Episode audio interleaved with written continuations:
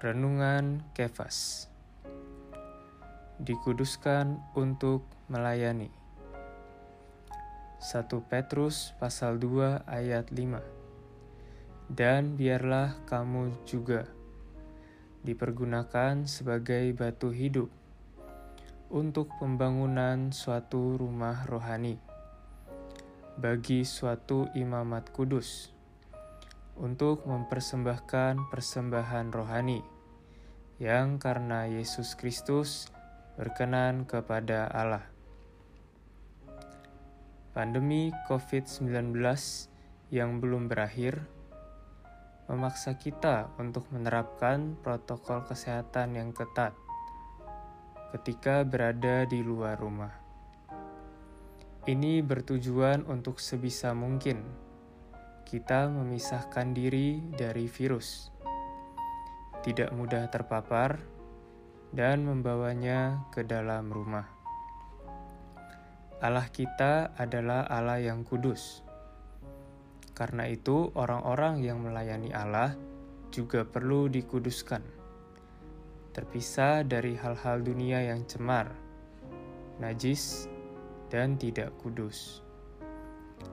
Beberapa naskah kuno tidak mencantumkan kata bagi di dalam 1 Petrus pasal 2 ayat 5. Karena itu, imamat kudus ini adalah rumah rohani. Hal ini berarti bahwa tempat kediaman Allah adalah kita, yaitu orang-orang yang telah dilahirkan kembali, yang bertumbuh dan terbangun bersama. Jadi, kita yang telah diselamatkan seharusnya menjadi imam-imam, yaitu orang-orang yang melayani Allah. Sebagai imamat, kita tidak melayani secara individu, melainkan dengan berkoordinasi.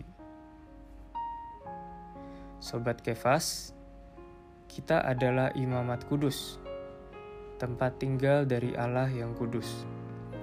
Sebab itu, kita perlu menguduskan diri kita dari semua hal duniawi.